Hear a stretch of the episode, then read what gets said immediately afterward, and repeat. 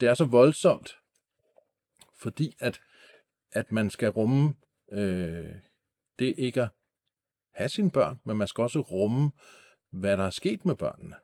Jeg har mange gange sagt, at jeg vil meget bedre kunne leve med ikke at se mine børn, hvis jeg vidste, at de var blevet tvangsanbragt til et eller andet sted, øh, hvor at jeg vidste, at der var taget godt hånd om dem.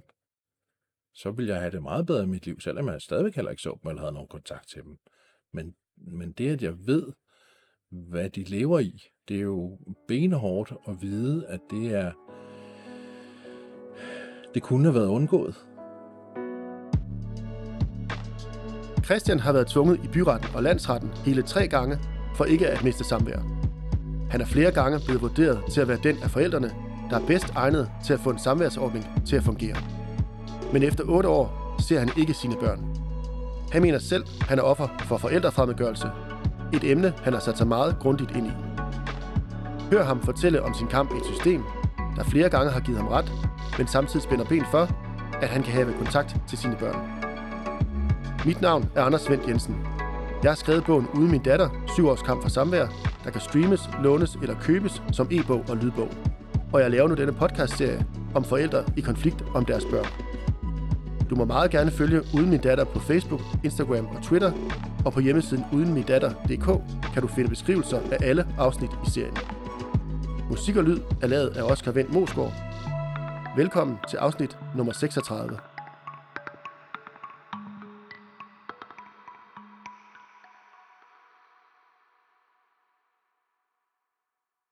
Vi har jo talt om din sag nogle gange, inden vi nu skal snakke om den her.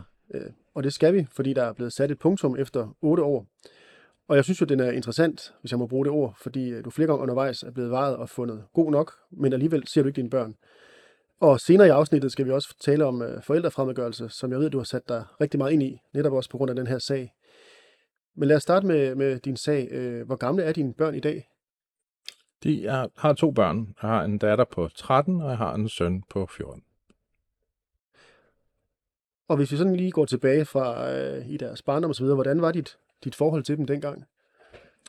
Øhm, jamen, jeg har altid haft et, et, et virkelig godt forhold til mine børn.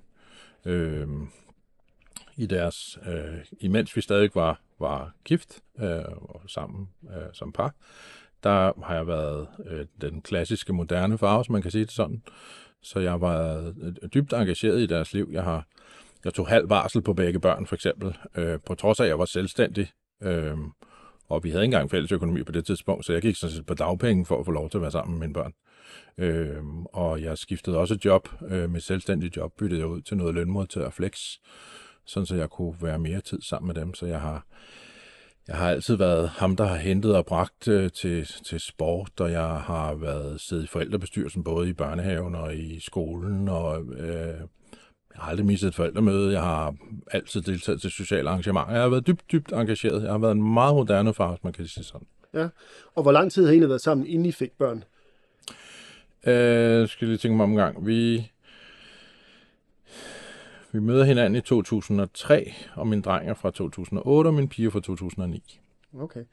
Og hvad så med jeres øh, ægteskab og det der med at have børnene sammen? Øh, det var lidt over 10 år, øh, og, og det var øh, det var meget præget af manipulation, virkelighedsforvrængning, øh, løgne, trusler, øh, så, så et, et psykisk voldeligt forhold øh, generelt set, som, som sådan set aldrig har fungeret. Der har været en lang periode i starten, hvor det virkede som om det fungerede, Øh, men, men som det er med sådan nogle forhold, så, øh, så var det jo sådan set bare noget facade, som jo med tiden viste sig, at det var ikke, det var ikke en realitet. Okay, var I meget på skændes, eller hvordan fungerer sådan noget? Nej, det, det, det, er, mere, det er mere subtilt. Øhm, øh, vi har faktisk, jeg tror faktisk aldrig nogensinde, vi har skændtes direkte foran børnene. Okay. Og hvorfor stod jeres forhold? Jamen, det, igen, ligesom med alt andet i vores forhold, kan man sige, så er der en, så er der en officiel grund, og så er der en skjult grund. Mm. Øhm, så det, den, den officielle, det var sådan set bare, at øh, min eks ikke synes, vi skulle være sammen længere. Øhm, mm, jeg tror i dag, med den viden, jeg har nu, at det drejede sig om, at jeg var blevet for besværlig at manipulere.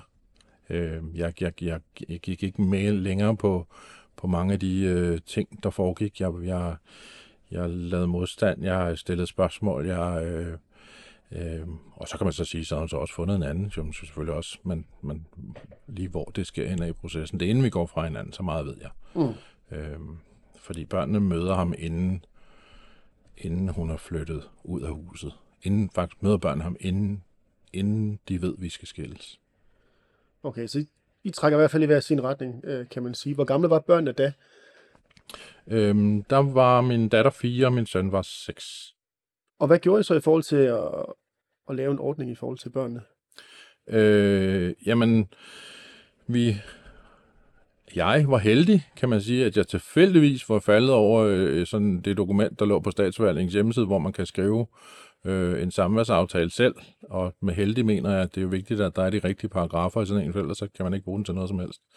Når det så er sagt, så udfyldte vi den meget sporadisk, og, og meget af det var, var øh, ikke, øh, hvad skal jeg sige, ordentligt lavet, som man ville gøre det, hvis man skulle, for eksempel, så stod der sådan noget med, under påske stod der, det finder vi ud af, når vi kommer til. Mm. Altså, så, så, så, så, det var ikke sådan, man normalt ville udfylde den. Men, men det her med, at vi for eksempel havde en 7-7-ordning, det var skrevet ind i den. Altså, så der var jo nogle ting, som ligesom bandt, heldigvis. Mm. Og ellers så var det nok gået endnu mere galt fra start af, kan man sige. Ja. Og hvis folk ikke lige har set sådan en blanket, så er det jo noget med netop, der er en generel øh, delordning, og så er der alle højtiderne og, og ferier, man så ligesom skal skrive ind i sådan nogle felter. Ja, det kan man gøre også. Og så kan man sige, at det allervigtigste med sådan en samværsaftale, for dem, der ikke ved det, det er jo, at den indeholder øh, det, der hedder en øh, udleveringsparagraf, mm. øhm, som, som er det, der gør, at en, en dommer gider kigge på den, hvis der kommer problemer med den. Så ja. hvis man bare skriver et stykke papir for sig selv, som ikke har den her paragraf, så har man i princippet ikke rigtig nogen rettigheder. Øh, så den er mere bindende, eller den er bindende, når man så har lavet det ved at sikre sig, at den paragraf er med. Så det er vigtigt, når man laver samarbejdsaftale. Ja. Øhm. I blev enige om en 7-7. Hvordan, hvordan gik det så? Ja, altså det, på papiret var det en 7-7, men det er det, det, man, det, man kalder for en, en 5-2-2-5-ordning, startede vi med, fordi at min eks var sikker på, at børnene ikke kunne undvære hende syv sammenhængende dage mm. af gangen, og derfor så lavede vi det. Ja. Øhm, vi skrev også, at den skulle der evalueres på efter, jeg kan ikke huske, tre måneder, tror jeg det var. Øhm, og det virkede rigtig dårligt, og de fleste, som har erfaring med den, eller hvis du spørger nogle fagfolk, vil de sige, at det er virkelig ikke en god ordning, for det er en, den er meget rådet med mange skift. Øhm, men da de tre måneder så var gået, og jeg så pegede på, at vi havde skrevet, at vi skulle evaluere på den, så fik jeg at vide, ja, det har vi gjort, det virker fint, så nu er det bare sådan der. Okay. Øhm, så der var ikke rigtig noget evaluering andet end at, og det stod, man kan sige, igen, den var ikke skrevet ordentligt. Så derfor så stod det som om, at vi havde 5, 2, 2, 5, og så skulle vi ligesom drøfte det andet. Ja. Og det, så den, så den, den hang fast. Og hvad, hvad sker der så? Jamen, jamen, så sker der jo så det, som man kan sige, er, er jo princippet er starten på, på, på, på hele balladen, som jo så har taget otte år nu efterhånden. Øh, og det er jo, at, at hun er ikke tilfreds Øh, og så beslutter hun sig for, at sådan skal det ikke være. Øh, så så øh, efter, efter i 2015, der, der laver hun så en samværsaft, eller en, en øh, opretter hun en sag i statsforvaltningen. Det starter med, det hele starter med, at der bliver noget ballade. Øh, jeg finder ud af, at, at hun har misbrugt min underskrift. Det har hun gjort det anden gang, hun jeg fandt ud af det. Den første gang, der har hun bare sat et flueben, efter jeg havde skrevet under, men, men ikke desto mindre var det efter min underskrift var sat, og der blev det bare lavet om. Og den her gang, der er det så nogle papirer til skolen, hvor at øh, hun beder mig om at skrive måneder, og så siger hun, at hun nok skal aflevere dem. Og så finder jeg så ud af efterfølgende, noget lidt tid efter, at, at hun har på et af papirerne har hun skrevet vendt om, og så har hun skrevet en hel side på bagsiden af papiret jo, med, men der, hvor jeg har sat min underskrift på forhånd, uden jeg ved noget om det. Mm. Og da så konfronterer hende med det, øh, så bliver hun tosset, Øh, hun har altid haft et meget hæftigt temperament, øh, og synes, at jeg er skyld i det hele, og jeg er dum, og øh, det ender sådan set med, at hun siger, at øh, når jeg ikke kan samarbejde, som jeg jo tydeligvis ikke kan, så øh, kan jeg jo heller ikke have min børns 7 Okay. Så siger hun så, at du ikke kan samarbejde osv., så, så opretter hun en sag. Ja. Øh, og der kan man sige, det er jo så mit første møde med systemet, øh, og jeg havde som så mange andre på det tidspunkt ikke noget forhåndskendskab til noget som helst. Øh, Og vi kommer der ind, og, og øh, det, det, vi sidder derinde til møde, og jeg hører nogle, nogle rimelig slemme historier, som jeg ikke rigtig kan genkende til om, hvor, hvor rystede børnene er at have kontakt med mig, og hvordan de græder hver eneste gang, eneste gang, de skal over til mig, og de tigger om ikke nok, de må lade være med at komme hen til mig, osv. Øhm, og jeg, øhm, jeg var på forkant, så jeg havde snakket med skole, som jeg havde et rigtig godt øh, samarbejde og forhold med på det tidspunkt, og spurgt dem om, hvordan de ligesom havde det. For der var masser af skift, for vi havde to-to før, så vi skiftede hele tiden. Øhm, og skolen, de havde sagt til mig, at der var overhovedet ikke nogen som helst forskel, om, om børnene kom fra den ene, eller de kom fra den anden. Øhm, så, øh, så det, da, da, da, da vi har hørt i 10 minutter om, hvor, hvor hårdt børn har det, så går taletiden over til mig, og jeg siger så, at jeg, jeg, jeg kan ikke rigtig forstå det her, jeg kan ikke rigtig genkende til det, fordi at jeg ser et helt andet billede, og jeg har hørt snakke både med lærer og pædagoger, som, som sådan set bekræfter mig i, at, at, det, at det er sådan. Øh, og så det er så første gang, at jeg netop får mit allerførste chok i systemet af utrolig mange, men den øh, børnesagkyndige siger rettet til mig, så siger hun, Christian, du skal huske, at det er sådan.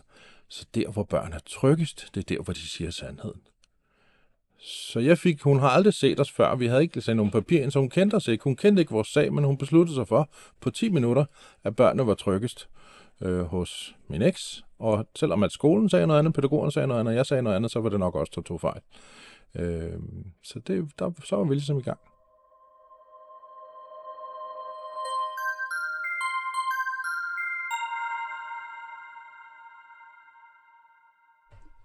Og hvad, hvad sker der så? Øh, sagen er så lang og så omfattende, så man kan sige, så hvis vi skal tage det i de der bidder, så, så skal vi bruge mange, mange, mange, mange, mange timer på det her. Ja, okay. Det der jo, det, der jo sker, det er jo, at der en, en lang overrække øh, bliver, bliver lavet sager igen og igen og igen. Og mm. sagerne har hele tiden det samme omdrejningspunkt, at jeg skal fjernes, reduceres, minimeres på en eller anden måde ud. Første, min, min, min eks siger allerede tilbage i 2016, siger hun både i retten og i en statsforvaltning, at hun synes, der skal være så lidt samvær som overhovedet muligt. Mm. Øhm, og øh, der ryger vi så også ind og får lavet den første børnesagkyndige undersøgelse, som er en ret omfattende sag øh, på 78 sider. Øh, der skete nogle meget alarmerende ting, imens den undersøgelse blev lavet. Børnenes tidligere læge øh, skrev en, en meget, øh, meget hæftig udtalelse, øh, hvor han skrev meget negativt om, om øh, min eks. Der havde været nogle sager, hvor han var involveret også, fordi at jeg fandt ud af på et tidspunkt, at børnene fik en masse medicin, som de ikke skulle have. Mm. Øh, og da han så skriver sin udtalelse til den børnesagkyndige, der bliver den børnesagkyndige så bekymret, så han ender med at sige, at vi bliver nødt til at udvide den med en forældreevneundersøgelse også. Så vi fik, vi fik lavet fire personlighedstests hver på hver af os. Og hvad var konklusionen på, på den sagkyndige undersøgelse? Øhm, den øh, fremhæver blandt andet gentagende gange, at, at situationen nok ville blive forbedret af, at der blev byttet rundt på samværs- og bogpælsroller. Øhm, den fremhæver også, man kan sige, at, at jeg ikke har nogen øh, former for psykiske problemer eller andre ting. Den, den fremhæver også, at man kan sige, at, at den siger noget i stil med, at, at alle de ting, som jeg er blevet beskyldt for, der er intet overhovedet, som tyder på, at noget af det kan være rigtigt. Øh, og så endnu vigtigere, kan man sige, så understreger at mig og børnene har et strålende forhold sammen. Øh. Ja, for der er jo, som du selv sagde, sagen omfatter der er mange papirer osv., men jeg kan jo lige tage lidt uddrag fra den, hvor der står, at, at far opleves som den forælder, der tydeligst ser børnenes tag. Ja. Okay, og hvad, og hvad bliver resultatet så? Øh, i, I den her ombæring, der bliver resultatet, at... Ja, hvordan var nu? Den var ind i byretten på det tidspunkt, men det var statsforvaltningen, som tog initiativ til at lave en børnsafkyndig undersøgelse. Og da byretten hører, at der er en undervejs, så beslutter han sig for at udsætte dommen til, til den børnsafkyndige undersøgelse er færdig, så han kan læse den, inden han træffer sin dom. Så han, han udsætter faktisk sagen i et halvt år. Og nu skal jeg lige være med. Den sag, hvad handler den om? Om samværsfordeling eller om forældremyndighed, eller hvor er vi henne? Øhm, ja, jeg kan godt forstå, at det, det, på det tidspunkt, der er vi på, der er vi på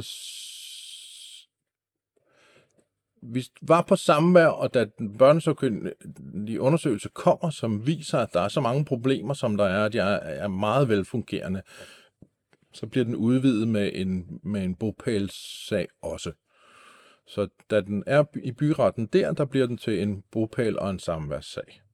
Okay. Og, og der... Øh, og, og det, der er besynderligt, kan man sige, det er, at, at konklusionen så ender med at være den diametralt modsatte konklusion af en børnesagkyndig undersøgelse. Så hvad lyder dommen? Øh, den lyder, at, at forældremyndighed ophæves og tillægges mor, øh, da hun er bedst til at samarbejde og bedst til at varetage børnenes tag. Og der står i den børnesagkyndige undersøgelse, at far er bedst til at varetage børnenes tag. Øh, og at der er en masse problematik omkring mors samarbejdsevner. Mm. Øh, der er mange, der har spurgt mig, om, om jeg overhovedet tror, at han har læst den.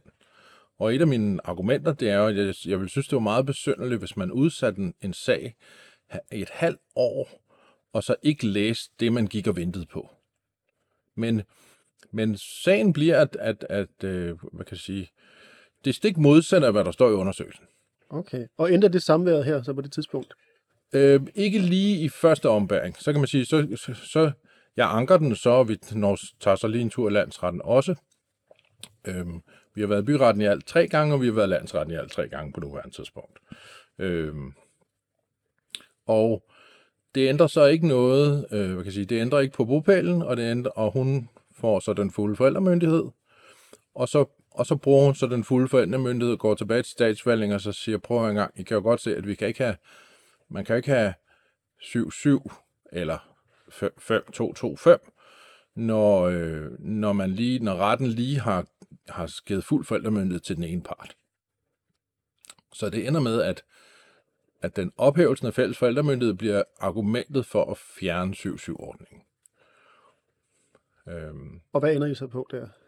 Øhm, der ender vi så på en, på en 5-9-ordning. Det skal siges, at inden, faktisk inden øh, mor vælger at lave øh, den her forældremyndighedssag, der tager hun fat i mig, og så får jeg et udspil til en samværsaftale, som, det var så en 10-4 samværsaftale, som, som hun siger, hvis ikke, hvis ikke du er, går med på det her, så, så laver jeg, så laver jeg forældremyndighedssagen.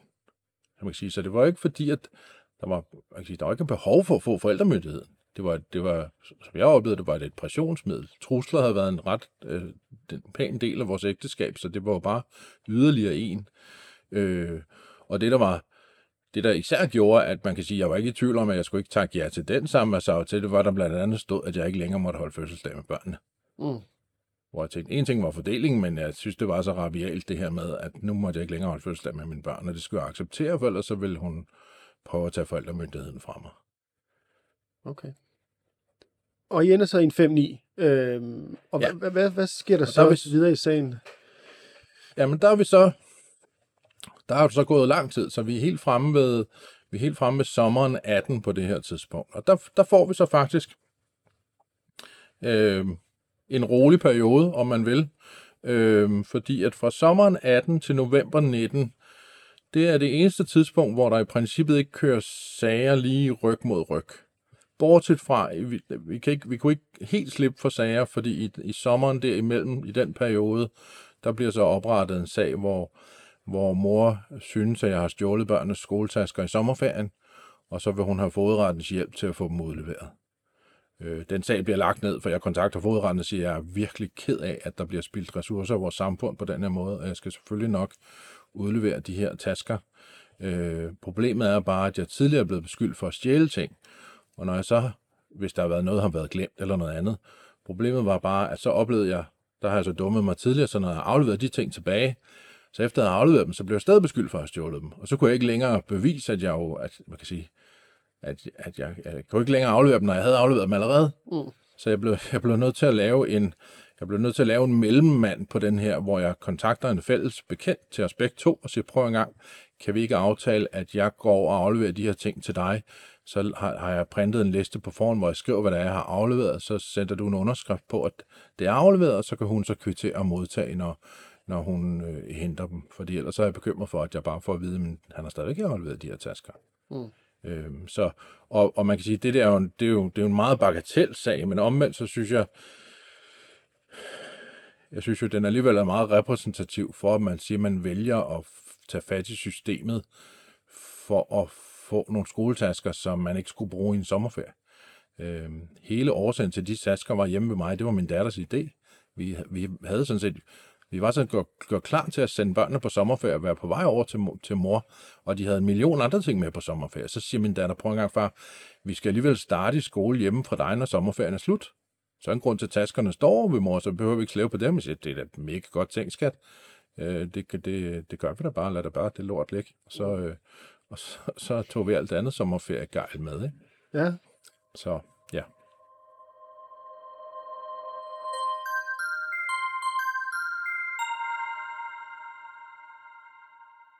I kommer videre fra taskerne, og det sommerferien er slut og så videre. Hvad, hvad er så det næste?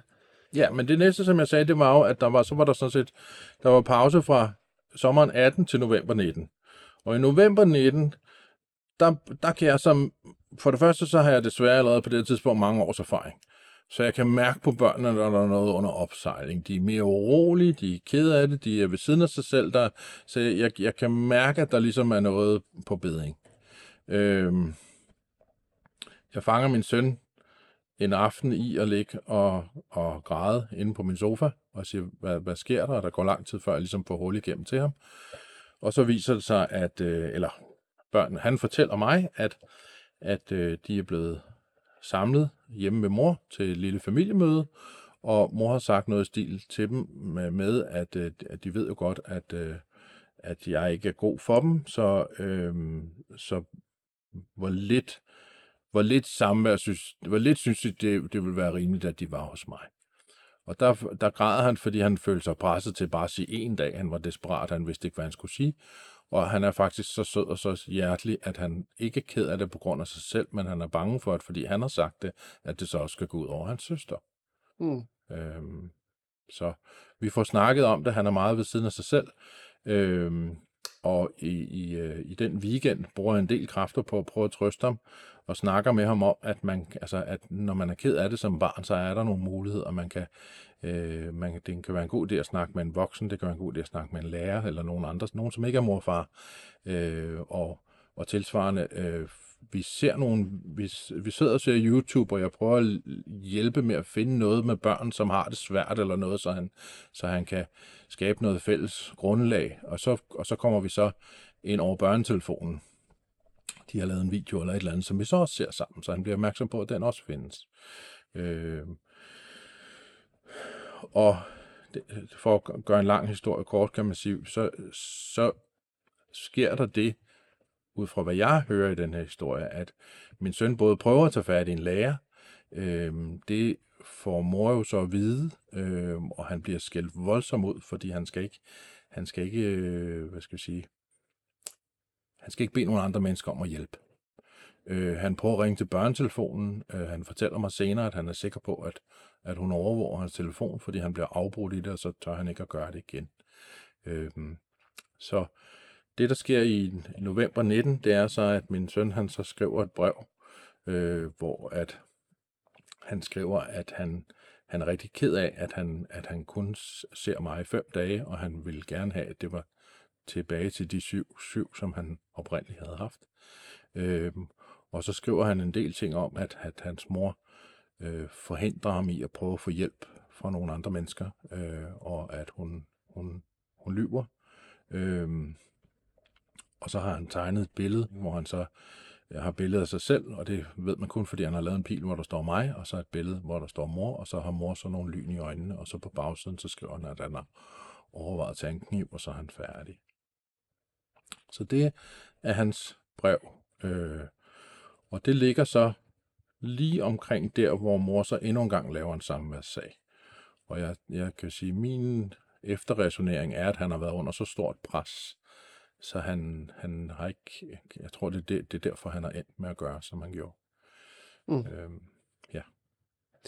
Okay, og hvad sker der så efter det med, med brevet? Altså, det, det, lige i den periode, der er det jo så, samtidig, mor hun opretter en ny sag. Ja. Øhm, og det er også derfor, jeg tror, man kan sige, at brevet ligesom kommer af staben. Og det gør så, at vi bliver så indkaldt.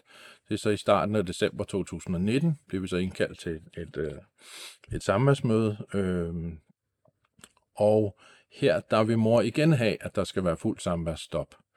Øh, hun siger, at det skal der gøres midlertidigt, fordi at der er sket en masse slemme ting. Øh, og, øh, og familieretshuset fortæller hende, at der, der, altså der er på nuværende tidspunkt ikke noget som helst belæg for, at der kan være samværsstop. Øh, der ligger stadigvæk også den, på det her tidspunkt, at den børnesagkyndige undersøgelse kun halvandet år gammel eller sådan noget lignende, øh, som jo understreger, at jeg er en rigtig god far og velfungerende far. Øh, så, så hun får at vide, at der er ikke noget som helst belæg for, at de kan lave et samværsstop. Øh, øh, og det, det er hun jo så ikke tilfreds med, så, øh, øh, så der sker jo så det meget kort tid efter, at jeg får at vide, at øh, børnene er tilbageholdt, og de kommer ikke på samvær. De har det, eller min datter har det, øh, vil helst ikke afsted, og øh, min søn, han siger, han bare vil være, hvor, hvor min datter er. Så det får jeg ligesom at vide, så er det, nu, nu kommer de ikke. Okay, hvad gør du så? Jeg har været det her så længe, så allerede da jeg sad inde i familieretshuset, så tænkte jeg, at der var en rimelig chance for, at det ligesom ville være det næste skridt. Så jeg var sådan set klar på det, og så skal man jo, så skal man jo lave det, der hedder en udleveringssag, øh, for at få effektueret den øh, samarbejdsaftale, som der ligger. Øh, så det, så jeg har oprettet en udleveringssag, som man skal. Og hvad skete der så? Altså, det, det, der sker, det er, at udleveringssagen, den ligger jo, børnene er blevet tilbageholdt lige en jul, øh, så, øh, så udleveringssagen, den bliver hen over jul, og det gør, at, at øh, dommeren vil gerne have børnenes samtale, men på grund af julen, og, og det ikke kan hænge sammen, så ender det med, at der går halvanden måned fra mor tilbageholder, øh, til dommeren lige har mulighed for at snakke med børnene. mm. Øh, den halvanden måned, det er jo mere end rigeligt til at få, få børnene presset til at sige de ting, som, som mor gerne vil have, de skulle sige. Øh, og så kan man sige, det er noget af en påstand fra mig, ja, det er det, men, men øh, der sker også det, at jeg får lov til at se børnene to gange øh, i den her periode, øh, hvor at dommeren siger, enten så skal vi overhovedet lade være med at lave nogen kontakt, men det vil være ærgerligt, så hvis vi kan finde en tryghedsskabende person, desværre er det jul, så vi kan ikke få nogle fagpersoner til at gøre det. Øh, min eks foreslår så øh, sin, sin, øh, sin kæreste, mand, jeg kan ikke huske, om det er gift på det tidspunkt. Øhm, og jeg, for at vise, at jeg gerne vil samarbejde, så siger jeg, det er fint nok, han, kan, han må gerne være med som, som tryghedsskabende person. Øhm, og da jeg så møder børnene, så øh, er det i sig selv meget, meget mærkeligt, fordi jeg har jo fået at vide, at de ikke var kommet over til mig, fordi de ikke ville. Øh, og det er bestemt ikke tilfældet. De børn, jeg ser, de er meget, meget ked af, at de ikke har set mig, at de falder mig om halsen, og der bliver grædt, og det, det, der har vi ikke set hinanden i fire uger. Det er det længste tid, vi nogensinde har været væk fra hinanden. Øh, og øh, der sker også det, at jeg, jeg på et eller andet tidspunkt i den her, mens jeg ser dem, får sagt til dem, om de ved, hvorfor det ikke har været over hos mig. Og de fortæller det aner de faktisk overhovedet ikke. De, øh, de, mor var bare kommet en dag, og så havde hun sagt, at de skulle en ekstra tur til Jylland, hvor familien bor. Og det var så tilfældigvis lige min samværsdag. Så, så de vidste faktisk slet ikke, hvorfor de ikke kom over til mig. Øh, de, de siger også øh, til samme, der, det her det er den, øh, det er slutningen af december 19, øh, der spørger de mig også, og så siger far, at skal vi på vinterferie hos dig? Så siger hvis vi følger den aftale, der er skrevet, så skal vi. Og så siger begge børnene i, i munden på hinanden, råber, jubi! Øh, så det glæder de sig til. Mm. Øh, Øh, en, en anden meget vigtig ting, som fletter ind i den forældrefremmedgørelse, som vi også skal snakke om lidt senere, det er, at, at på det her tidspunkt, der efter børnene blev tilbageholdt, der øh, sender jeg en besked til dem hver dag. Øh, en, en enkelt besked, hvor jeg skriver nogle kærlige ord, at jeg tænker på dem. Det er usædvanligt, at vi ikke har nogen kontakt. Øh, så da jeg så får lov til at se dem, jeg har ikke, jeg har ikke haft nogen kommunikation med dem i de her fire uger, øh, der spørger jeg så børnene, så siger hvordan har I det med de her beskeder, som jeg sender til jer? Øh, og der, der stiger min datter mig meget intenst i øjnene og siger sådan eksplicit, far, du må endelig ikke stoppe. Øh, og det siger hun den 28. december. Den 14. januar har hun så samtale med en børnesagkyndig. Til den børnesagkyndige siger hun, og det her, hvor, hvor noget af forældrefremmedgørelsen kommer ind over, så siger hun til den børnesagkyndige, at hun har, min datter har bedt mig om at stoppe. Hun kan ikke lide, at jeg bliver ved med at gøre det. Hun synes, jeg overskrider hendes grænser, hun synes, det er ubehageligt, at, at, øh, at, jeg, at jeg fortsætter på den måde, når hun ligesom har bedt mig om at lade være. Mm. Øhm, Men jeg lydoptog de her samvær, jeg havde med børnene, så jeg havde jo på optagelse præcis, hvad hun har sagt, og der er intet af det, som hun siger til den børnesagkyndige, som er rigtigt.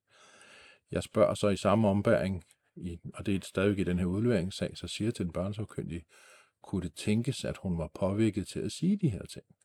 Og en børnesagkyndig kigger vrissen på mig, hun var i det hele taget ikke i særlig godt humør, og siger, ved du hvad, jeg har 30 års erfaring i det, jeg ved nok, når et barn taler sandt eller ej. Jeg vidste jo bare, at det overhovedet ikke var rigtigt. Mm. Men, men jeg blev lukket ned, fordi at hun havde 30 års erfaring, så hun kunne nok gennemskue, når et barn talte sandt eller ej. Men den her, den her totale kovending, hvor min datter jo i princippet er blevet presset eller påvirket til ikke bare at tale negativt, men nærmest at sabotere eller gå imod, det er så ekstremt. Øhm, så det kan man sige, det, det kræver, at der, der sker nogle ting på 16 dage, for at det kan lade sig gøre. Så summer så meget er, at fordi at børnene så til de her børnesamtaler siger øh, sådan lidt, øh, min søn siger, at han vil gerne cykle over til mig på et eller andet tidspunkt, når det lige kan passe. Øh, min datter siger, at hun, øh, hun, vil gerne, øh, hun vil gerne have de der 12-2, som der har været snak om. Det var det, mor ønskede i den samme sag, som jo startede i december 19, inden de blev tilbageholdt. Så min datter siger fuldstændig det samme som, som moren. Øh, så begge børn siger så, at de gerne vil se mig. Begge børn siger, at de vil gerne på samvær. Men der sker bare ikke noget.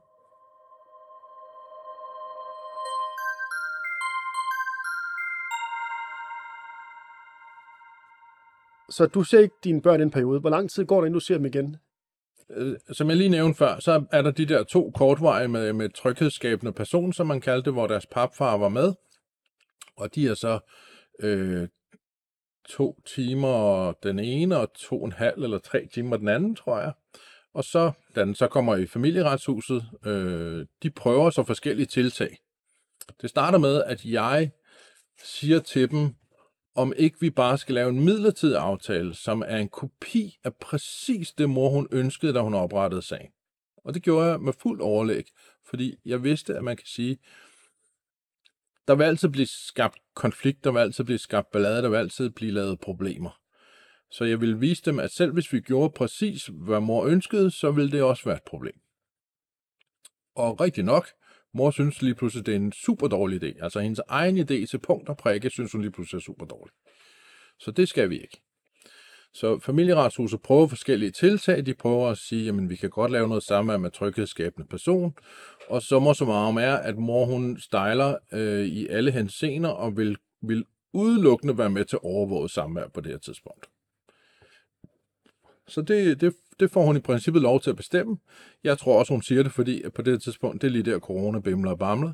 Så, så der, er ikke, der er ikke nogen farpersoner, som kan lave noget som helst overvåget samvær, fordi at samfundet er lukket ned. Mm. Så det, vi når så frem til sommeren, før at jeg så bliver tilkendt fire overvåget samvær af to timer. Så bliver jeg ringet op for at vide, på en gang på, på grund af de nye hygiejneregler og så videre, så tager vi altså lige en halv time af hver af dine to timers samvær. Øhm, så jeg går fra 8 timer, bliver skåret to timer, altså så ned på 6 timer, og så ringer psykologen til mig og siger, du hvad, jeg tror, det er en god idé, at jeg lige snakker med børnene inden samvær, så napper lige et kvarter. Så jeg får skåret mine 8 timer ned til 4 gange en time og et kvarter. Så der ser jeg så børnene af to omgange, og det går rigtig godt under omstændighederne. Vi, vi hygger os, vi spiller nogle spil, vi snakker, vi griner, vi pjatter, og, og der er beskrevet nogle rigtig gode samvær. Men efter to gange, så sender mor en besked om, at børnene kommer ikke mere til samvær, fordi at øh, de har reageret så kraftigt, at hun, øh, hun er blevet nødt til at og hun er blevet nødt til at lukke ned for det simpelthen, at, øh, at der har været for store følelsesmæssige reaktioner, og, øh, og det, hun kan ikke stå inden for, øh, hvad der foregår. Så hun vælger at, at aflyse de sidste to. Ja. Okay. De skriver til hende, at hun har pligt til at møde op, at det er hendes ansvar, og det vælger hun ikke at svare på. Godt. Og hvad sker der så? Jamen, så går sagen jo så til retten. Og der havde de i familieretshuset sagt, at, øh, at de forventede, at den sag den ville blive kørt lynhurtigt igennem. Det gjorde den så overhovedet ikke. Mm. Dommeren beslutter sig for, selvom at familieretshuset lige har sagt, at der er ingen chance for forlig, der er ingen chance for samarbejde, at vi har en personprofil fra en børnesafkyndig undersøgelse, som fortæller, at her er virkelig nogle problemer, som ikke bare lige er overfladiske, så beslutter dommeren sig alligevel for, at det er nok en god idé, at vi lige prøver lidt konfliktmæling. det kan man sige, for at gøre en lang historie kort, så bliver den konfliktmelding, jeg takker ja til alle dage, alle tidspunkter, alle klokkeslæt, hvad som helst, siger jeg bare ja til. Og alt bliver saboteret til højre og venstre. Så på 6-7 måneder lykkes det kun at gennemføre fire gange. Mm. Og det ender så med, at der bliver klaget over den her psykolog, som, som står for det. Øh, mor synes ikke, at hun synes, hun er partisk og opfører sig mærkeligt. Og så øh, er dommeren ude i, om vi så skal starte hele konfliktmælingsforløbet forfra. Og jeg sidder på sidelinjen og siger, på nu her gang, altså, jeg ser ikke mine børn, der er, der er noget galt her, hvorfor? Men, men øh, og det ender så også med, at dommeren endelig beslutter sig for, at det, det, det holder nok alligevel ikke at prøve at lave konfliktmelding igen, og så bliver der så taget initiativ til at lave en ny børnsakyndig undersøgelse. Og der er, vi, der er vi så fremme ved maj 21. Øhm, Og det bliver så sat i søen. Øhm, hvad, hvad kommer den frem til? jamen, den kommer næsten endnu mere overbevisende frem til det, som den anden også kom frem til. At, at jeg er øh, en, øh, en øh, dygtig, kompetent, velfungerende far. Øh, der var det problem med den dog, at meningen er, at der skal være nogle observationer af mig og børnene, og mor vendte tilbage og sagde, at hun kunne simpelthen ikke få børnene til at samarbejde omkring det. Så hun kunne ikke, hun synes ikke, hun kunne presse dem eller tvinge dem, så, så de her observationer af mig og børnene, det kunne ikke blive til noget. Øh, og psykologen gjorde, hvad hun kunne. Mor blev ved med at holde på, det kunne ikke lade sig gøre. Det endte så med, at psykologen bare sagde, men altså, ud fra alt andet, jeg har set, så, så, så bliver jeg nødt til så at tage de observationer, som der var fra 2017, og så ligesom lægge dem i stedet for os at komme med nogle kommentarer omkring, hvad situationen var. Mm. Så, så, så de bliver simpelthen nødt til at opgive, hvilket jeg, jeg var meget forundret over på det tidspunkt, fordi jeg tænkte, det kan ikke være første gang, at der er nogen, som har svært ved at samarbejde, som, som siger, at børnene gider ikke at deltage. Men det var der ligesom ikke noget, der var ikke nogen tiltag til det, der var ikke noget, man kunne gøre for ligesom at, øh, og sige, men det skal vi. Så det fik bare lov at, at, at løbe ud i sandet, man kan sige sådan. Og, og jeg, jeg glædede mig jo, for jeg troede her nu, troede jeg, at jeg skulle se mine børn for første gang i meget lang tid. Selvom det så var under nogle rigtig dårlige omstændigheder, så bare det at få lov til at se dem, bare det måske, måske et kram, hvis jeg var rigtig heldig, var jo i høj kurs på det tidspunkt.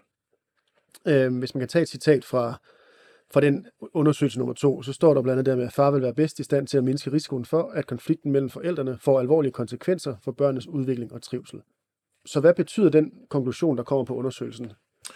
det, det er konklusionen på undersøgelsen, og det er faktisk også den endelige konklusion fra dommeren, så, så kan sige, så dommerne har også øh, haft øjnene åbne i det her. Det betyder jo groft sagt, hvis du, hvis du skærer det i stykker, der står der, så betyder det, at jeg er den, der er i stand til at sikre, at børnenes udvikling ikke bliver skadet. Så, så det er jo, ja, jeg, jeg, jeg, jeg var meget målløs. Jeg kan sige, jeg havde ikke forventet sådan set nødvendigvis at vinde, men jeg er meget målløs over, at man kan skrive sort på hvidt, at de her børn, de kommer til skade, eller kan komme til skade, hvis ikke de er med dig, men vi vælger, at de ikke skal være med dig. Mm. Og hvad er så næste skridt? Øh, det er, at hvis det var helt rigtigt, så skulle der være en retssag lige efter den børnesagkyndige undersøgelse bliver færdig. mm, Den børnesagkyndige er et fjols, så hun overskrider alle deadlines igen og igen og igen og igen. Så det ender med, at hun først får lavet den børnesagkyndige undersøgelse færdig dagen før vi går i retten. Da vi så kommer ind i retten, så siger de, det er for dårlig tid til at forberede os på det her, så nu er der ikke nogen retssag alligevel. Og så, udsæt, så udsætter de så retssagen.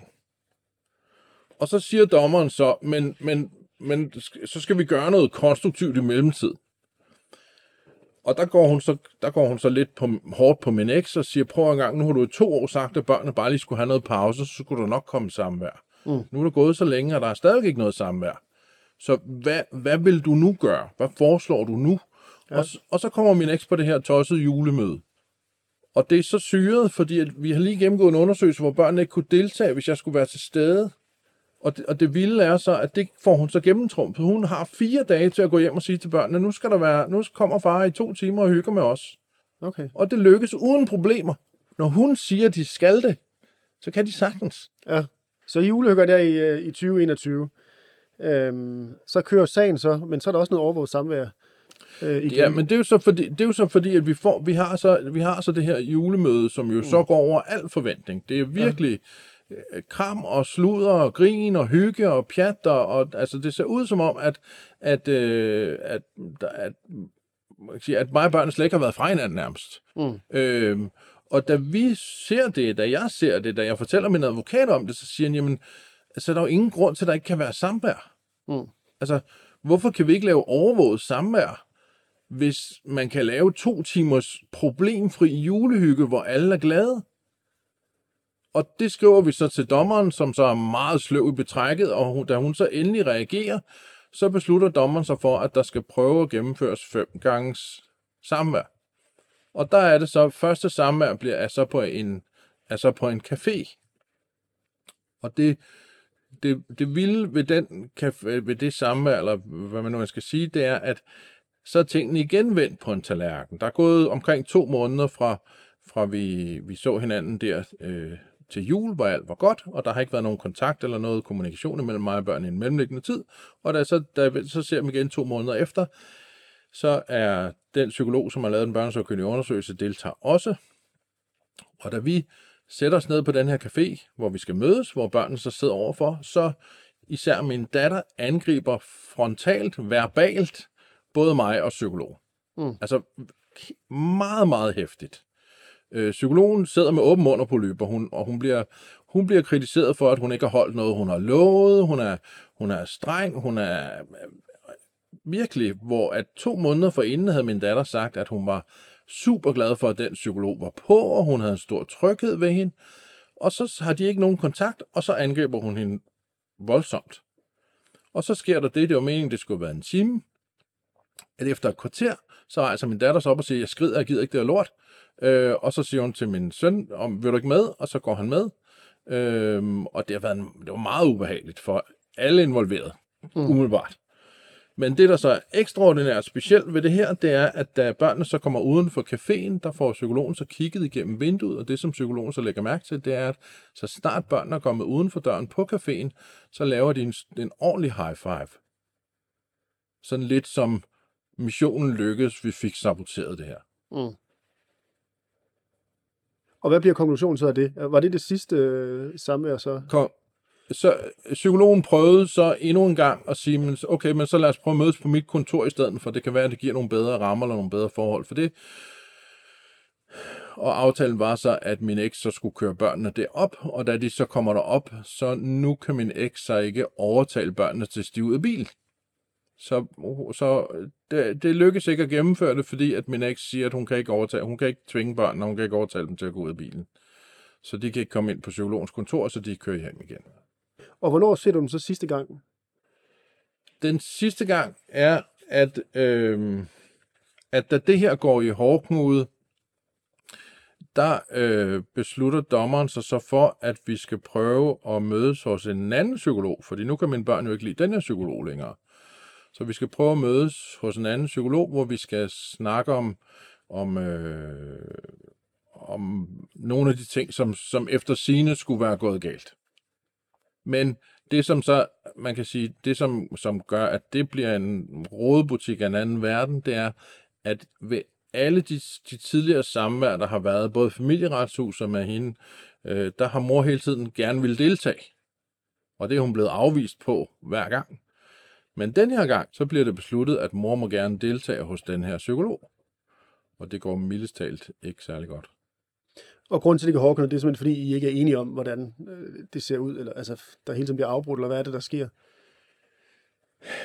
Jamen, altså noget af det, der sker, kan man sige, det er, at børnene er jo præpareret hjemmefra med, de kommer med nogle lister med alle mulige ting, som de skal kritisere mig med. Blandt andet min søn kritiserer mig for den måde, øh, hans mor og jeg styrede vores økonomi på, imens vi var gift. Så det bliver sådan nogle ting, som sådan er helt ude i skoven, og sådan noget, som, som er, er, er øh, hvad kan jeg sige, overhovedet ikke det, der ligesom var intentionen. Planen var, at mig og børnene ligesom skulle prøve at komme tættere på hinanden. Og den her stakkels psykolog sidder hele tiden og siger, men lad os nu prøve lige at tænke fremad og tænke, hvad kan vi gøre osv. Men børnene havde de her lister, som de, som de nærmest bare skulle tærpe igennem. Så, så det hver af de, de gange, vi så hinanden, drejede sig sådan set bare om, at der skulle gives en masse, masse kritik i min retning, og børnene skulle bare have lov til at være negativ. Øhm, så vi er hos ham fire gange. Øhm, det er sidste gang, jeg ser børnene.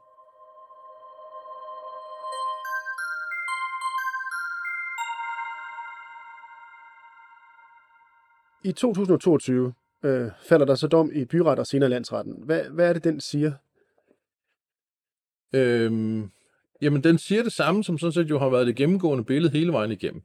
Den siger, at jeg i stort set alle hensener er den, er den, den forælder, som kan varetage børnene bedst, den, der kan varetage samarbejde bedst, den, der bedst kan sikre, at børnene ikke lider overlast. Øh, de understreger også, de skriver, at der intet til hinder for, at der kan være samvær. Så de, de siger ligesom, at hvad der end er problemer, har de ikke noget som helst med mig at gøre. Øh, det konkluderer dommer. Mm. Øh, men de skriver også, at fordi børnene på nuværende tidspunkt ikke har nogen interesse, så lader vi det bare være sådan. Og de skriver også, at selvom det må antages, at den interesse øh, øh, skyldes, at mor ikke bakker op om far. Så selvom de sådan set siger, at vi ved stort set godt, at børnene er påvirket eller manipuleret, og vi ved, at du er den mest velfungerende, så vælger man bare at gøre det. Okay, så, så du har ikke set dine børn siden øh, foråret øh, 22? Nej, det er rigtigt. Og, og hvad tænker du sådan om dommen? Havde du ventet, det ville gå den vej, eller? Ja, altså, det, jeg havde ventet, det ville gå den vej, fordi jeg kender systemet. Havde jeg, var, jeg, var jeg ny i gamet og ikke otte års erfaring med det, så øh, ville jeg have troet noget andet. Men, men øh, så jeg gik ind til den med chancen om, at jeg havde måske en tredjedel chance. Og så står du her med den her dom. Hvordan kommer du sådan videre fra det? Nu er der gået lidt tid.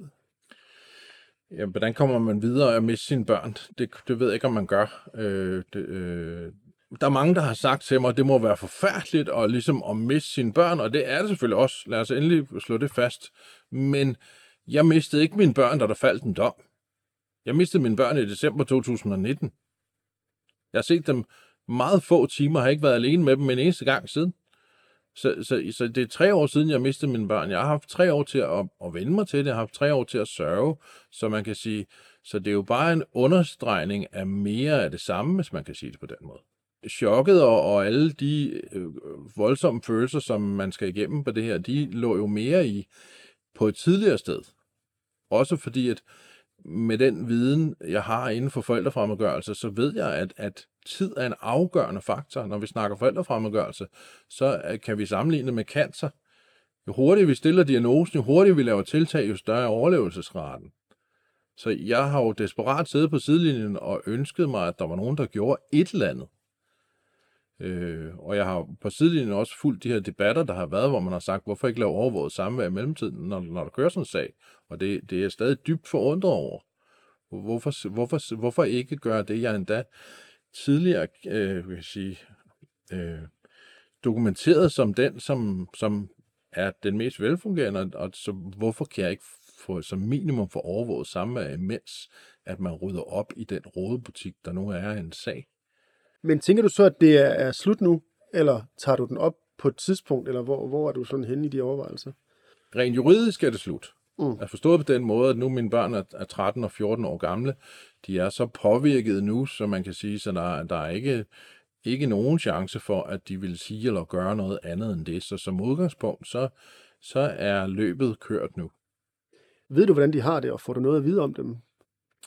Altså, jeg får meget, man kan sige, jeg får som udgangspunkt ikke noget videre om. Jeg kan nogle gange være heldig i lysstød på en eller anden øh, skolekammerat eller noget andet, som lige kan fortælle mig meget, meget lidt. Men udgangspunktet er, at jeg får ikke noget som helst at vide om noget som helst. Øh, du skriver heller ikke beskeder til dem eller noget? Der er ikke noget, der...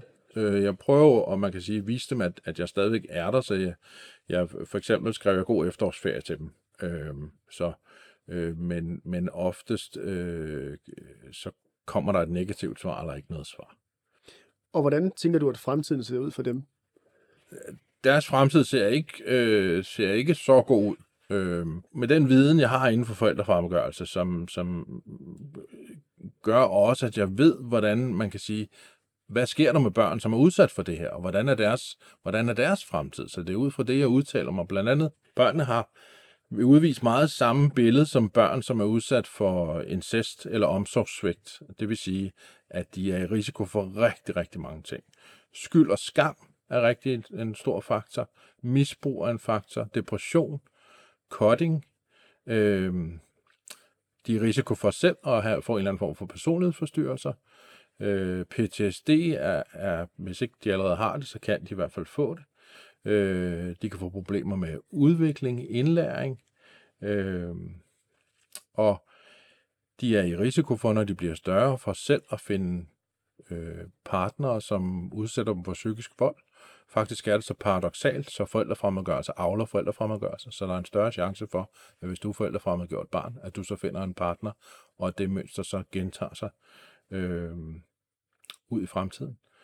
De kan udvikle store problemer med tillid øh, øh, og, og frygt for at miste øh, kan også være en stor faktor ved de her børn. Så der er utrolig mange psykologiske skader, som sker ved børn, der bliver udsat for de her ting, som, som mine børn er gået igennem. Og nu er du jo så inde på forældrefremmedgørelse. Jeg er lidt usikker på, om det egentlig er nævnt øh, i din sag og så videre, men du har i hvert fald valgt øh, selv at sætte dig ind i det. Ja. Øh, og hvordan kan det være, du har, har gjort det? Ja, men man kan sige, det var fordi, jeg, jeg, meget, jeg meget tidligt fandt ud af, at i, i kraft af, hvad skal jeg sige, af den psykiske vold, som jeg var udsat for i, i forholdet. Da jeg så begyndte at, at, at sætte mig ind i, i, i de mekanismer, de ting, der var omkring det her, der finder jeg også ud af, at, at forældrefremmedgørelse er meget almindeligt i sådan nogle situationer.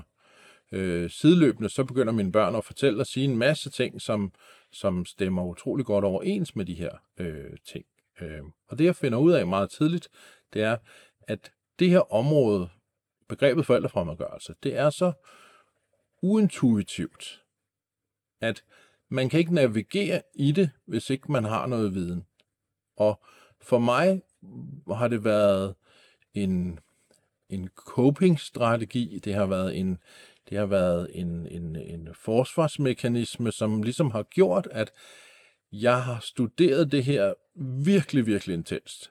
Fordi jeg ligesom oplevede det som den eneste ting, der kunne hjælpe mig en lille bit smule. Jeg oplevede ikke systemet hjælpe, jeg oplevede ikke nogen, jeg kunne, jeg kunne ikke snakke med nogen, der kunne hjælpe. Øh, det eneste, hvor jeg kunne se, at det her gjorde en forskel for mig og mine børn, det var jo mere viden, jeg tilegnede mig på det her område, jo bedre kunne jeg hjælpe dem. Og det viste sig også at være tilfældet, fordi at jeg gør retten opmærksom i 2016 på, at børnene de bliver udsat for de her øh, forsøg på forældrefremmedgørelse. Der er de ikke fremgjort på det tidspunkt. Øh, men det lykkedes mig alligevel at holde dem og holde et rigtig godt forhold til børnene frem til 2019, hvor de bliver tilbageholdt. Så, så den viden, som jeg tilegnede mig, gjorde faktisk, at jeg kunne holde børnene fri af det. Øh, da jeg så blev fjernet, hvilket jeg også tror var en af grundene til at fjerne mig, øh, så kan man sige, så har børnene ikke den modvægt, som jeg ellers kunne give dem, og så, øh, og så, og så bliver de opslugt i det, hvis man kan sige det sådan. Du nævnte nogle eksempler før på, på, hvad konsekvenserne kunne være af det, men hvordan ved man, der er tale om det, forældrefremmedgørelse? En, en ting, som man, som, man, som man overordnet kan sige, som de fleste kan genkende til, det er, at hvis, hvis en forælder meget intenst og utrætteligt prøver at fjerne en god og kærlig forælder, så er du stort set ikke i tvivl. Fordi det er sådan set indbegrebet forældrefremmedgørelse. Hvis du var en god og kærlig forælder, ville du som udgangspunkt altid have, at dit barn skulle have et godt forhold til den anden forælder. Det eneste tidspunkt, hvor at en god forælder ikke synes det, det er, hvis den anden forælder er dårlig. Rigtig dårlig. Så kan man sige, jeg kæmper for at beskytte mit barn, og så kan man godt forstå det. Men i det her tilfælde, der er det jo omvendt.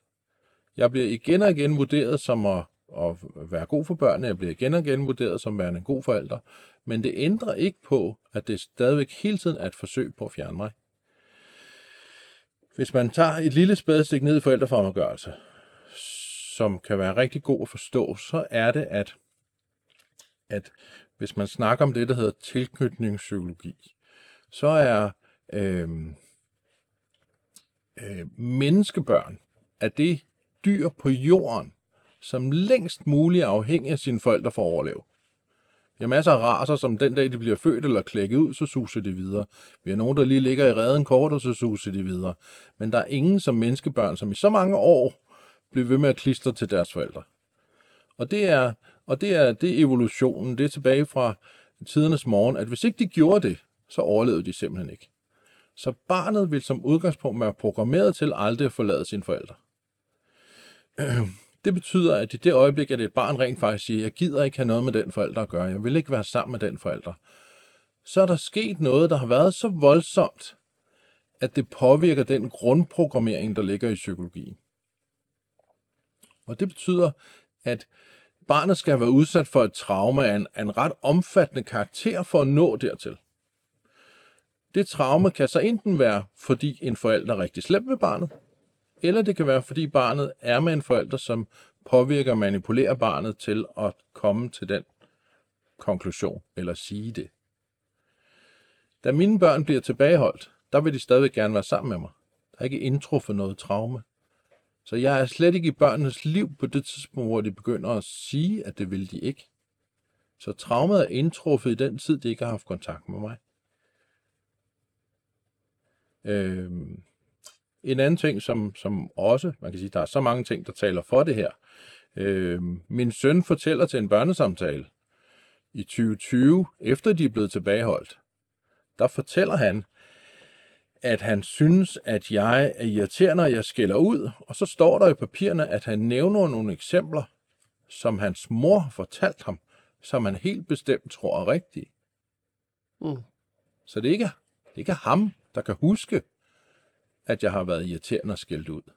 Men han, men han kan huske, at hans mor fortalte, at han tror helt sikkert på det. Og det siger han selv i børnesamtalen. Og det, jeg kan huske, da jeg læste den der, tænkte det bør der være nogen, der stusser over. Og jeg skal love for, at jeg har fremhævet den mere end en gang, men det, men det, der er ikke, det gør de ikke, eller de forstår ikke, hvad det betyder, eller, eller hvad det nu end er. Igen, der er mange tegn på, på forældrefremmedgørelsen. En anden ting, det er også, øh, et, et tegn er, når, man, når, når der sker det, hvor forældrene undlader at lave det, vi kalder for voksenstyring. Altså, at øh, de fleste forældre oplever, at deres børn ikke vil gøre ting, som ligger inden for opdragelsen. Jeg gider ikke børste tænder. Jeg gider ikke lave lektier. Jeg vil ikke til tandlæge. Hvad det nu end er. Det er ikke forældres opgave at tvinge barnet, men det er forældrens opgave at opdrage barnet, få barnet til at forstå, at det her, det skal du. Selvom du ikke gider lave lektier, så er det min opgave som forældre at sikre, at det gør du. Det er forældrefremmedgørende, forældre vil lige præcis i det tilfælde, der drejer sig om den anden, lave omvendt forældrestyring eller omvendt voksenstyring. Så der, der lader vi barnet helt selv bestemme. Og det vil man jo normalt ikke gøre, og man henstiller til at så siger, men jeg kan desværre ikke få dem til at gå ud af bilen og snakke med dig, psykolog. Jeg kan desværre ikke få dem til at gå over til dig, far, og jeg kan jo ikke presse dem. Men, men det, er ikke, det er ikke korrekt forældrestyrelseføring. Så når man ser det, så skal man, enten så kan man sige, ja, det er okay, hvis forældrene aldrig kan det. Jeg kan aldrig få dem til at lave lektier, jeg kan få dem til at gå i seng, jeg kan ikke få dem til noget som helst. Så kan man sige, okay, det kan du nok bare generelt ikke. Men hvis du kan få dem til alt andet, men undtagelse af det, mm så skal vi også tænke, her der er noget, der ikke passer. Så, så, så øh, der er rigtig mange ting, og jeg kunne blive ved med, altså jeg kunne nævne mange, mange, mange flere eksempler, men det er i hvert fald nogle af dem. Men du nævner netop også det der med, at der er ikke nogen, der har stusset over det i din sag. Øhm, det der med, at, at sønnen fortalte om noget, som han, han ikke nødvendigvis kunne have oplevet. Men, men man kan sige, det er heller ikke altid et, et, en, et begreb, der sådan bliver accepteret, så hvorfor er det, man ikke bruger det herhjemme? Øhm, Altså hvis man kigger på den nyeste forskning, og det skal siges, at de sidste fem år inden for forældrefremmedgørelse er fuldstændig eksploderet, så har der aldrig nogensinde været mere evidens for forældrefremmedgørelse, end der er på nuværende tidspunkt. Øhm, så selvom vi siger, at vi ikke har begrebet med os, så er dem, der snakker om forældrefremmedgørelse, de er ikke et sekund, øh, kan sige, alle er enige om, at det er overgreb, det er psykisk vold. Øh, oftest går det under begrebet psykisk incest, fordi det ligger på højde, det er skadesmæssigt på højde med incest. Det er bare den psykiske del, der bliver, der bliver grænseoverskrevet, i stedet for at det er den fysiske del, der bliver grænseoverskrevet. Men hvis vi kigger på, øh, i Danmark, der blev øh, psykisk vold blev jo øh, ulovliggjort øh, øh, i 2019. Og hvis man kigger på definitionen i Danmark af øh, psykisk vold, så står der blandt andet, at det er, hvis en person krænker, manipulerer, truer eller isolerer. Så det er faktisk forældrefremmedgørelse. Vi krænker barnet, vi manipulerer barnet, vi truer barnet, vi presser det i hvert fald, isolerer det, så det bliver afskåret fra dem, der har noget andet at sige end det perspektiv, barnet bliver påduttet med. Og øh, i samme definition står der også, at hvis formålet er at kontrollere eller begrænse den voldsudsattes livsudfoldelse, Så hvis man vil begrænse et barns kontakt til den anden, så er det psykisk vold. I vores nuværende definition, så kan det godt være, at jeg kan lide ordet forældrefremmedgørelse, men vi kan ikke underkende, at der i den nuværende lovgivning står, at man må ikke begrænse nogen i deres livsudfoldelse. Og skulle man alligevel stadig være en lille smule i tvivl, så er vi så heldige, så Justitsministeriet har været søde at lave nogle, ligesom nogle forklaringer på, hvad kan det være. Og Justitsministeriet skriver, hvis man isolerer en person fra den pågældendes familie, barn eller netværk, det er psykisk vold. Så igen, næsten ligegyldigt hvilken term vi bruger, så, så, så ved vi allerede, jamen det er ikke lovligt. Jamen det er skadeligt. Øh, men igen, og få familieretten med på den, så mange, der, der sidder derude, som er bekendt med psykisk vold eller har prøvet det, ved, at det er, det er en meget svær størrelse at få det her familieretslige system til at forholde sig til, hvor, hvor meget psykisk vold og dysfunktionalitet, der ligger bag de her konflikter.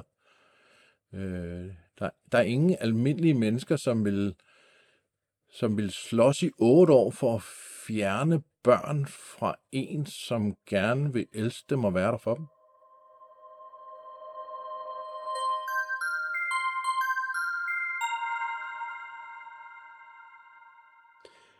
Og det leder os lidt over i det næste emne, det der med, at du har haft kontakt med systemet øh, rigtig lang tid, og du har taget din sag hele vejen, kan man vist roligt sige. Ja.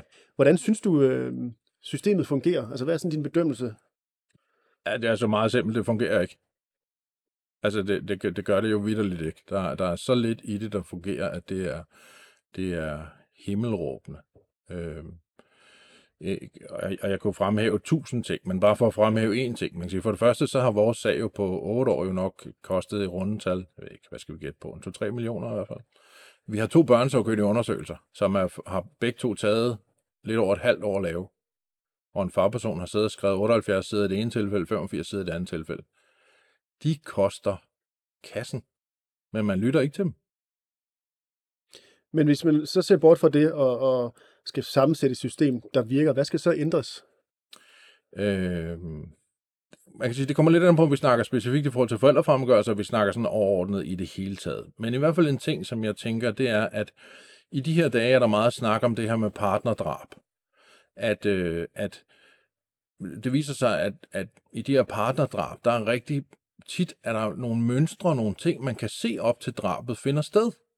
Som, så det vil sige, partnerdrab kan i princippet forebygges langt hen ad vejen, hvis folk forstår de her mønstre. Forældrefremmedgørelse er psykisk partnerdrab. Så hvis man, hvis systemet gjorde en indsats for at forstå de her mekanismer, for at forstå de her mønstre, så kan det forebygges længe inden vi overhovedet kommer dertil. Øhm, en anden ting, som også er meget vigtig, som, som folk derude tit ikke forstår, medmindre de har været langt inde i det, det er, at dommere har ikke nogen, øh, hvad skal vi sige, vægtet prioritering. Og med det mener jeg, at en dommer kan selv bestemme, hvad for nogle parametre beslutter jeg mig for at vægte i den her sag. Beslutter mig for, at det er vigtigt, at barnet har kontakt til begge forældre? Eller beslutter mig for, at det er vigtigt at lytte til, hvad barnet selv siger? eller beslutter mig for, at det, jeg synes er vigtigst i den her sag, det er den forælder, som bedst kan få forældrene til at samarbejde. Problemet er, at der er ikke nogen, der har hjulpet dommerne med at lave en prioriteret rækkefølge på det. Så det betyder, at en hvilken som helst dommer selv kan vælge den parameter, som de synes er vigtigst. Dommeren kan selv vælge den parameter, de synes er næst vigtigst, og de kan også vælge den, de synes er mindst vigtigt. Men det kan være, at nabodommeren inde i salen lige ved siden af bytter fuldstændig rundt på den rækkefølge. Så Dommerne burde have en drejebog, der for eksempel hedder, i mit tilfælde synes jeg jo, at det her med barnet lider overlast, at jeg er den eneste, der kan sikre sig, at barnet ikke på, over tid øh, øh hvad sådan noget, tager skade i deres udvikling. Det synes jeg jo nok skulle være nummer et. Mm. Og så kan det så godt være, at vi siger, jamen på tredjepladsen, der er så, hvad siger barnet selv? Men et barn på 13 eller 14 burde i min optik ikke kunne få lov til at træffe en beslutning, hvis vi voksne godt ved, at den beslutning, du træffer barn, det er en beslutning, du kommer til skade af. så burde det jo vægtes højst. Men dommerne står frit for, at de selv kan vælge, hvilken parameter synes de, de vil lægge vægt på. Og det betyder også, at en dommer i de her familieretlige sager næsten ikke er bundet af jura, i hvert fald kun meget lidt, for de kan bare vælge den parameter, som de synes, der giver mest mening i den sag, de har lyst til at træffe. Og det betyder, at dommer kan sådan set, øh, uden at have sin ryg fri, og bare træffe den dom, som de nogle gange synes. Er der andre ting, du tænker, man kunne ændre? Børnesamtalerne, det er jo, desværre er det jo sådan, så mange ting i systemet er bygget sådan, så de virker godt, hvis det er forældre, der ikke har de store problemer. Og børnesamtalerne er rigtig gode, fordi de giver barnet mulighed for at selv at komme til ord.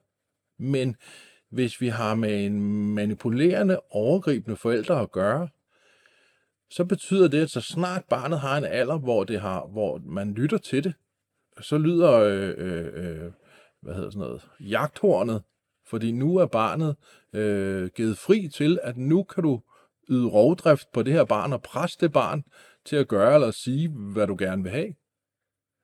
Så, så børnesamtaler skal jo se sit perspektiv, og i hvert fald skal de ikke vægtes, hvis vi tror, der er en chance for, at her har vi med en manipulerende part at gøre. Fordi, hvordan, altså, jeg ser det lidt som, når man nogle gange ser de her optagelser af amerikanske fanger, som er taget til, eller amerikanske soldater, som er taget til fange af en eller anden øh, terroristlejr eller noget andet, så ser man dem filmet, og så ser man dem sige, jeg fornægter Amerika, jeg hader kapitalismen, jeg bla bla bla bla bla. Og vi smiler alle sammen lidt smule på smilebåndet, bortset fra den tragiske situation, fordi vi ved godt, der står jo med et gevær lige udenfor. Mm. Men det er da aldrig sådan, så vi siger, ja, det har han nu engang sagt, og det er nu engang der, han er i sit liv, så nu, nu lader vi ham sgu bare være. Og har du et råd til andre forældre, der ender i sådan en situation her?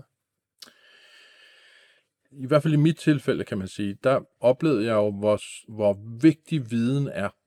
Øh, det her, det er så uintuitivt, og der er så mange fælder i det her forældrefremmedgørelse, fordi manipulationen er så skjult. Normalt siger man, at psykisk vold og manipulation er skjult, men forældrefremmedgørelse er den dobbelt-dobbelt skjult, fordi at, at den øh, overgriberen gemmer sig bag barnet og bruger barnet til at lave sin overgreb, hvis man kan sige det sådan. Øh, så hvis ikke man, man får en, en rigtig god idé om, hvad man har med at gøre, og hvordan det virker, øh, så, kan man ikke, så, så er det svært at kæmpe imod. Men det lykkedes for mig at kæmpe imod i fem år. Da mine børn blev tilbageholdt, var de på ingen måde fremmedgjort. Men de var blevet, men de var blevet forsøgt fremmedgjort i overvis. Så min viden kunne holde dem væk fra det. Øh, der er for nylig lavet en Facebook-gruppe, øh, som hedder Forældrefremmedgørelse, Narcissister og Psykopater, øh, som handler om netop viden til forældre og hjælp til forældre. Øh, øh, i, i sådan en situation her. Så, så kan jeg sige, så den kan jeg anbefale som et sted at starte i hvert fald. Øh, men viden er nok det absolut vigtigste, man overhovedet kan gøre. Øh, og så det næstvigtigste, det er at forstå, at man ikke er alene. Øh, fordi det er så, så sygt og så... Øh, man kan blive meget, meget påvirket af det, og det er så så voldsomt, at andre mennesker forstår det ikke. Udenforstående forstår det ikke. Så, så det er vigtigt at finde nogen, som man kan spare med. Det er vigtigt at finde nogen, som har prøvet noget lignende, eller, eller, eller øh, gå med i en Facebook-gruppe, som lige har nævnt, øh, og, og, og møde nogle andre, snakke med nogle andre. Øh, fordi man bliver, altså, det er et kæmpe traume at få at blive forældrefremmedgjort fra sine børn. Og, og det er ikke kun traumet på, påført på en selv. Det er også, at man skal rumme den skade, som barnet er blevet påført for at kunne gøre det, de gør. Som jeg sagde tidligere, så skal der et voldsomt traume til, at et barn gør noget så unaturligt som at afvise en forældre. Så, så i det øjeblik, at vi oplever det, så ved vi jo også, at det her barn det er traumatiseret. Og oftest er barnet jo også, bliver barnet jo ikke på nogen måde hjulpet. Det bliver ikke hjulpet i det traume. Bliver ikke hjulpet i sin sorg over at miste en anden forældre. Tværtimod.